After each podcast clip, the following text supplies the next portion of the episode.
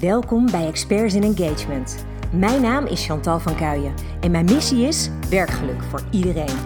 In deze podcast neem ik je mee in onze opdrachten in employer branding en employee engagement.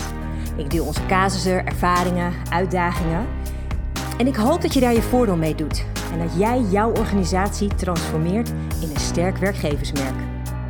Hi, welkom bij weer een nieuwe aflevering. En deze aflevering is eigenlijk een deel 2 van de aflevering van vorige week.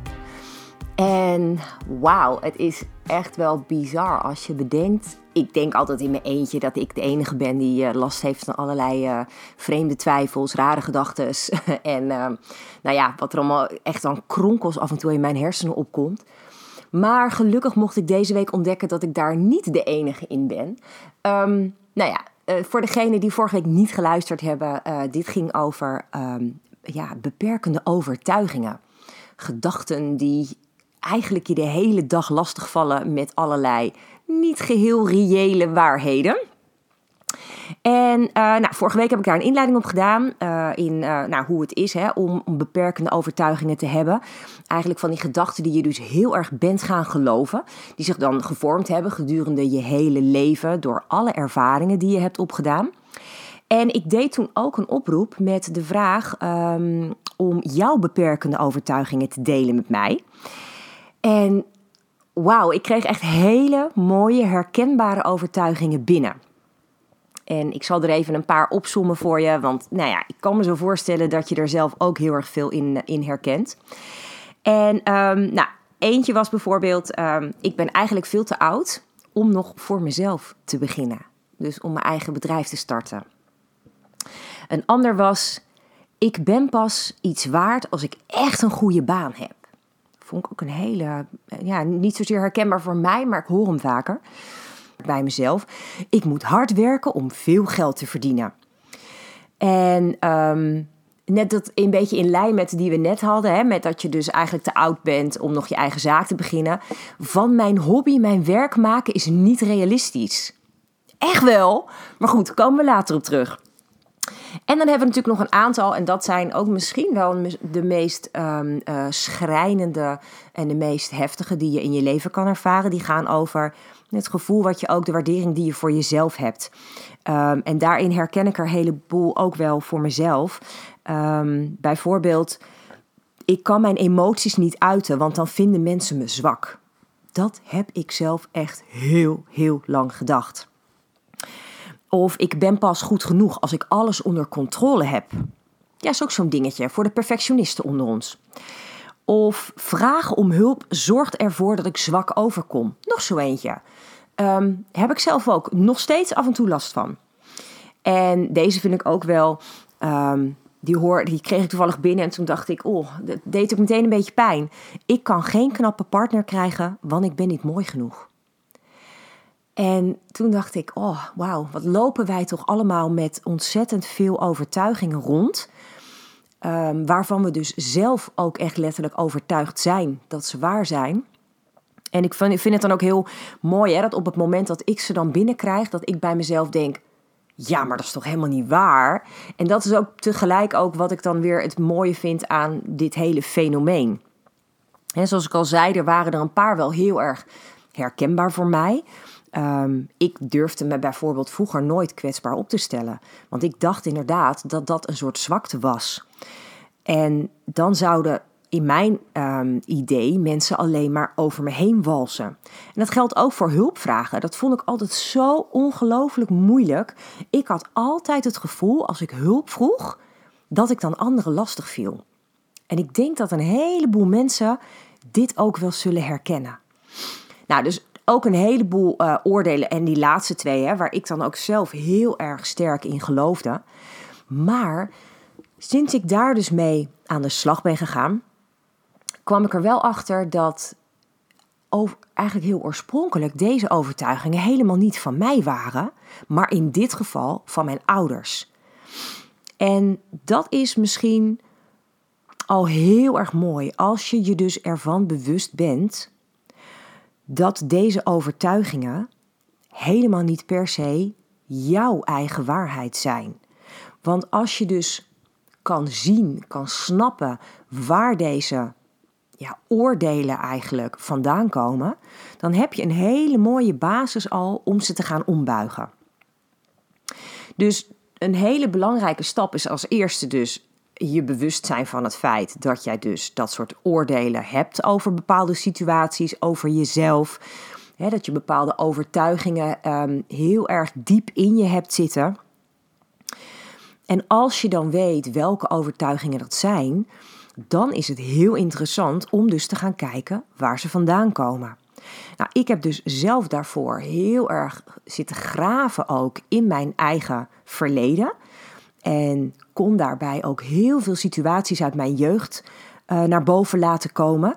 En een van die situaties bijvoorbeeld, uh, kan ik me nog herinneren, ik was echt nog wel heel jong. Ik was een jaar of acht, negen. En ehm, wij woonden in, voor mij, ons oude huis. En wij hadden daar wat oudere mensen om ons heen wonen. En mijn moeder die was altijd bezig om voor deze oude mensen, nou ik weet niet wat allemaal te doen. De was en strijken en schoonmaken, noem maar op. Kreeg ze daar waardering voor? Uh, nou nee. Uh, sterker nog, ze kreeg nog een grote mond en uh, nou juist hele nare reacties vaak van deze mensen uh, of van de familie van deze mensen. Um, en ik heb dat altijd heel erg gezien als. Ja, dat, dat was er gewoon. Weet je, zij. Um, mijn moeder liet dat gebeuren. En pas in een veel later stadium ben ik gaan snappen dat dat een hele rare situatie was eigenlijk.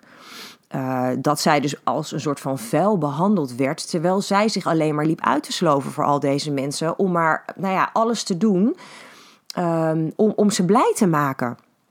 En zij was ook nooit iemand die zelf om hulp vroeg.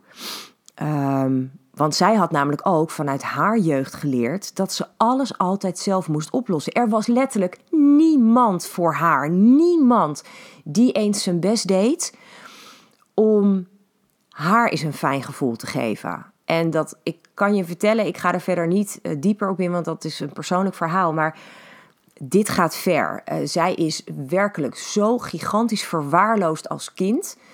Dat het natuurlijk ook niet zo heel erg vreemd is, wellicht, dat je dus dat soort um, ja, patronen ontwikkelt en dat dus meeneemt in de rest van je leven.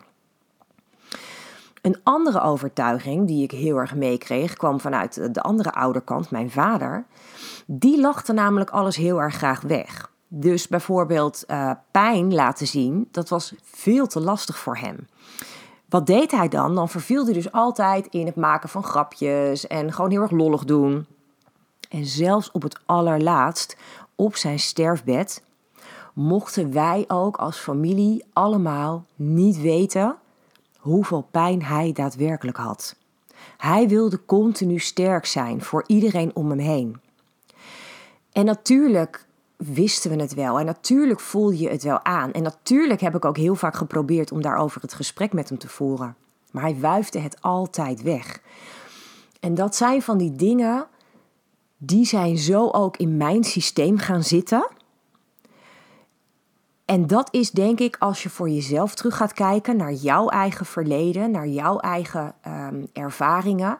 Ja, als je dan bijvoorbeeld een bepaalde overtuiging hebt en je gaat dus gewoon heel rustig even voor jezelf eens over nadenken van... goh, wie hoorde ik dit bijvoorbeeld altijd zeggen? net als dingen geld maakt niet gelukkig. Wie hoorde je dat zeggen toen je jonger was? En dan kun je inschatten waar een uh, overtuiging vandaan is gekomen. Ik ga er nu in ieder geval twee uitpikken. En die gaan we ombuigen. En nummer één is dan, want dat is natuurlijk wel een hele mooie, omdat die voor mijzelf ook heel erg gold. Ik kan niet om hulp vragen, want dan vinden mensen me zwak. Um, en dan heb ik de vraag aan jou, of de opdracht, als deze overtuiging voor jou ook herkenbaar is, pak vooral even pen en papier. Dat werkt het meest krachtig. Dat, dat is bij, bij al dit soort dingen altijd opgevallen. Op het moment dat je het op papier gaat schrijven, dan is dat zo ontzettend meer van waarde dan dat je het alleen maar in je hoofd doet. Dus ik raad het je echt even aan. Pak even een, eh, een blad papier. En trek op dat blad even een verticale streep, zodat je het papier in twee helften verdeelt. Links zet je dan vervolgens jouw beperkende overtuiging. dus in dit geval, ik kan niet om hulp vragen, want dat vinden mensen zwak. Het kan ook elke andere beperkende overtuiging zijn, maar het gaat nu even om dit voorbeeld. Vervolgens ga je naar de rechterkant om hiervan een positieve versie op te schrijven. Nou, dan kan ik bijvoorbeeld iets bedenken als: ehm, ik kan om hulp vragen, want anderen worden er blij van om mij te helpen. Of ik kan om hulp vragen, want mensen geven graag iets terug. Of een derde, die kan je allemaal erbij zetten. Hè? Dus gewoon zoveel mogelijk positieve dingen eronder zetten. Ik kan om hulp vragen, want ik verdien het dat iemand me helpt. En dan zie je al direct dat als jij één zo'n beperkende overtuiging links hebt staan en jij bent rechts in staat om daar positieve ombuigingen aan toe te voegen, dan zie je al dat dat al er veel meer kunnen zijn. En even los hè, van, um, in dit geval, uh, ik heb daar toevallig vorig jaar uh, heel veel onderzoek naar gedaan. ging over um, bijvoorbeeld en geluk. Hè? Wat, wat, waar komt geluk vandaan? Wat maakt je gelukkig? En een van die dingen is dat als je iets voor een ander kan doen, dat dat jezelf heel erg gelukkig maakt. En dat is natuurlijk een hele mooie hier. Om te gebruiken in die ombuiging. Want je kunt wel denken: oh, dat is echt heel erg lastig. Ik val een ander lastig als ik een, een, een hulpvraag stel. Maar je kan dus ook bedenken dat die ander het echt te gek vindt om jou te kunnen helpen. En dat je daar dus die persoon weer een goed gevoel mee geeft. Dus dat is misschien wel een hele mooie uh, om op die manier er ook over na te denken. Nou, het idee is dan dus dat je dus al je beperkende overtuigingen op die manier aan die linkerkant opschrijft. En voor mij werkt het wel het beste bijvoorbeeld om er dan één uit te pikken waarvan ik denk, nou daar heb ik nou echt best wel het meeste last van. Nou, die hulpvraag was bij mij best wel een dingetje. Toen ik um, elf jaar geleden in mijn relatie terecht kwam met Dennis, toen um, hadden we een hele bijzondere situatie in het begin dat wij vrij snel natuurlijk uh, papa en mama werden. En nou, dan kan ik je vertellen, um, dan is dat best een uitdaging. Want je hebt je baan en je hebt uh, je eerste kind, wat vrij um, uh, nou, onverwacht kwam. En dan um, kom je op het punt dat je inderdaad wel eens om hulp moet vragen. En ik vond dat zo ingewikkeld. Ik had er ook al wel vaak teleurstellingen in gehad. Dat als ik dan hulp vroeg, dat ik het dan niet kreeg. ja, van bepaalde personen in mijn omgeving waar ik nu ook geen contact meer mee heb. Dus dat zegt dan ook best wel veel, denk ik. En Dennis was degene die samen met zijn ouders mij liet zien dat om hulp vragen ook weer helemaal niet zo heel erg moeilijk hoeft te zijn. Ik kan je wel vertellen, ik heb er alsnog super lang over gedaan hoor. Want we zijn inmiddels elf jaar verder en nog steeds vind ik het af en toe lastig. Um, maar ik word er wel beter in. Dus nou oké, baby steps, we komen er wel. Dus het is heel erg mooi als je dus één overtuiging op die manier voor jezelf eruit pikt. En dan zoveel mogelijk positieve versies daarop gaat bedenken voor jezelf. Schrijf ze op. Want die nieuwe positieve versies, dat moeten ook eigenlijk jouw nieuwe overtuigingen worden. Wat je heel erg ziet in um, de wereld van mindset is dat dit soort positieve um, zinnen, uh, positieve overtuigingen, die noemen we ook wel affirmaties. En wat mij bijvoorbeeld ook geholpen heeft bij bepaalde beperkende overtuigingen, toen ik dat wilde ombuigen, is om dan bijvoorbeeld de positieve versies daarvan op een post-it te schrijven. En die op allerlei plekken in je huis te plakken. Dus waar je ze ook veel tegenkomt. Dus ik had op een gegeven moment post-its ook op mijn badkamerspiegel, op mijn nachtkastje, uh, op het toilet. Um, nou ja, op allerlei plekken. Want dan zie je ze elke dag wel een paar keer. En dat is wat jij nodig hebt om je onderbewustzijn ook aan het werk te zetten. Om te zorgen dat het niet meer alleen het bewuste is dat jij dat in je hersenen probeert te prenten, maar doordat je dingen dus heel vaak hoort, hè, want zo werkt het met overtuigingen, doordat je ze maar heel vaak hoort, wordt het je overtuiging, wordt het je nieuwe overtuiging. Toevallig luisterde ik vanochtend weer een podcast en daar was iemand, en dat hoor ik wel vaker, die dan hun affirmaties opnemen via de dictafoon op je eigen telefoon. En dan kun je hem via die manier ook op bepaalde momenten op de dag terugluisteren. Dus een praatje als het ware tegen jezelf. En dan kun je die steeds terugluisteren. Vond ik ook een hele leuke. Dus dat is op zich nog wel een uh, optie. En nou ja, het mooie is dus uh, in zo'n geval als dit. Op een moment dat je die overtuigingen op een positieve manier kan omzetten. Dan ga je ook daar weer een hele mooie meerwaarde van zien. Net als wat ik zei, dat als, als iemand jou kan helpen, dat, je die, dat die persoon daar ook gelukkiger van wordt. Dat is toch gewoon fantastisch. En als je dat nu nog niet kan zien, nou dan heb je dus wat te doen, want dat maakt het allemaal alweer zoveel mooier deze manier van affirmaties, die ehm, eh, werkt voor veel mensen op deze manier al. Maar ik wil er nog eentje aan toevoegen. En dat is de manier van Tony Robbins. En die vond ik ehm, heel krachtig toen ik bij hem uh, die events volgde. Hij heeft een methode die eigenlijk die affirmaties krachtiger maakt. Hij noemt dat incantation. Hij zegt: Ik geloof niet zozeer in alleen maar affirmaties. Dat is me bijna te passief. Ik geloof meer in incantations. Nou, wat is het verschil? Een affirmatie die lees je steeds of die zeg je tegen jezelf. Um, en, dat, dat doe je dan gewoon. Dan kan je bij wijze van spreken in de auto zitten en je speelt dan inderdaad je dictafoon af met je affirmaties en that's it. Wat doet hij? Bij incantations voeg je een fysieke handeling toe terwijl je je affirmatie opzegt. Dus denk bijvoorbeeld aan uh, een pittige boksbeweging. Of um, dat je bijvoorbeeld met je vuist je, uh, in je andere hand slaat. Of dat je um, ja, echt zo'n, zo'n ja, denk eens bijvoorbeeld aan, yes, weet je, wat doe je dan? Dan maak je vaak een vuist. Weet je, dat soort dingen. Um, en ik weet nog dat ik de eerste keer wel, toen ik dus bij zo'n event van, van Tony was, toen moest ik er ook wel een beetje om lachen. Want je moet dan, je, je spreekt dan dus je affirmatie uit en tegelijk maak je dan zo'n beweging. En in eerste instantie echt, ik ben echt koekoek. Um, maar dat is wel fijn, want je ziet het vervolgens ook alle anderen doen. En je denkt, oké, nee, dit is wel tof, dit doet wel wat. Um, dus ik vond dat wel heel erg mooi. Dus je gaat die drempel over.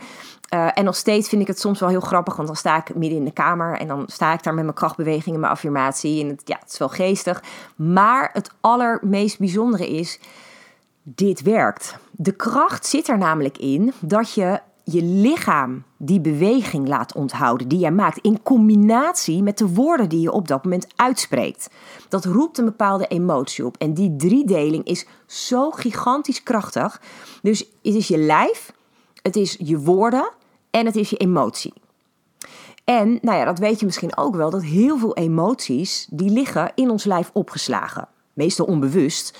Um, maar goed, dat is een mooi onderwerp voor later. Maar dan zie je bijvoorbeeld dat als een bepaald verdriet in je lichaam ergens zit, dan kan dat een soort van obstructie veroorzaken en dan kan dat pijn veroorzaken. Dat geeft wel aan hoe krachtig um, emotie en, en je lichaam uh, samengaan. Net als dat um, uit, ja, dat is eigenlijk ook al vanuit de oertijd, dat we hebben in ons lijf een soort um, hersenfunctie, een, een, een, een onthoufunctie in alle cellen die we hebben. En dat is wat je hier inzet. Um, dit is een onderdeel wat ik ook meeneem in de training van Creëer je ideale werkleven. Uh, daarin ga ik nog veel dieper in om het ombuigen van deze overtuiging. Want er zijn namelijk gewoon nog veel meer goede methodes om dit voor elkaar te krijgen. Maar ik dacht, dit is misschien wel een hele mooie inleiding um, voor deze eerste keer. Want hier ben ik ook ooit mee gestart. En dat heeft me echt ongelooflijk veel moois gebracht al. En dat gun ik jou ook. Ik zou het fantastisch vinden als er al één overtuiging is waarvan jij vandaag denkt: die ga ik aanpakken. En dat je dus inderdaad gaat nadenken over: hé, hey, maar hoe kan ik dat dan in een positieve zin veranderen? Wat kan ik hier voor moois uithalen? Um, en praat er desnoods ook gewoon over met mensen om je heen. En leg je overtuiging op tafel. En je zal zien dat anderen denken: hoe kom je daar nou bij? En dat is ook een hele interessante, want dat is waar ik eigenlijk ook al net mee begon. Uh, bij het noemen van de overtuigingen die ik binnenkreeg. Dat iemand bijvoorbeeld aangeeft van ja, maar ik kan nooit een, een, een knappe partner krijgen, want ik ben zelf niet mooi. Dat ik dan bij mezelf denk: hé, dat zeg jij? Hoe dan? Nou, en dat geldt eigenlijk voor al die overtuigingen. En ik denk dat dat iets is waar je ook heel bewust van mag worden. Nou, dat is dus een van de dingen die ik in de training ook heel erg meepak. Dat we heel erg gaan kijken van hoe ontdek je nou of die overtuiging nou wel of niet echt een reële waarheid is. En daarmee wil ik je in ieder geval voor vandaag even laten, want ik denk dat dit een hele mooie is om hier in ieder geval mee te gaan starten. En ik zou het ook echt fantastisch vinden om weer van je te horen. Welke overtuiging heb je nou aangepakt? En, en hoe heb je dat gedaan? Waar ben je gekomen? Dat zou ik echt super leuk vinden. Dus voor nu wens ik je heel veel succes met deze opdracht. Ga er iets moois van maken ehm, en ga groeien daarin. En dan ehm, ja, hoop ik dat het je weer een stapje verder mag brengen. Dat zou ik echt fantastisch vinden. Dank je wel in weer dat je erbij was deze aflevering. En ehm, ja, tot snel weer. Hoop dat deze aflevering je inspiratie oplevert. Misschien is dit wel jouw nieuwe begin. De start van een sterk employer brand. Of optimaal werkgeluk voor jou en je medewerkers. Maar waar loop jij tegenaan? Welke vragen heb jij? Stel ze vooral via onze website employerbrander.nl slash podcast. Dan kom ik er graag op terug in een volgende aflevering. Tot snel!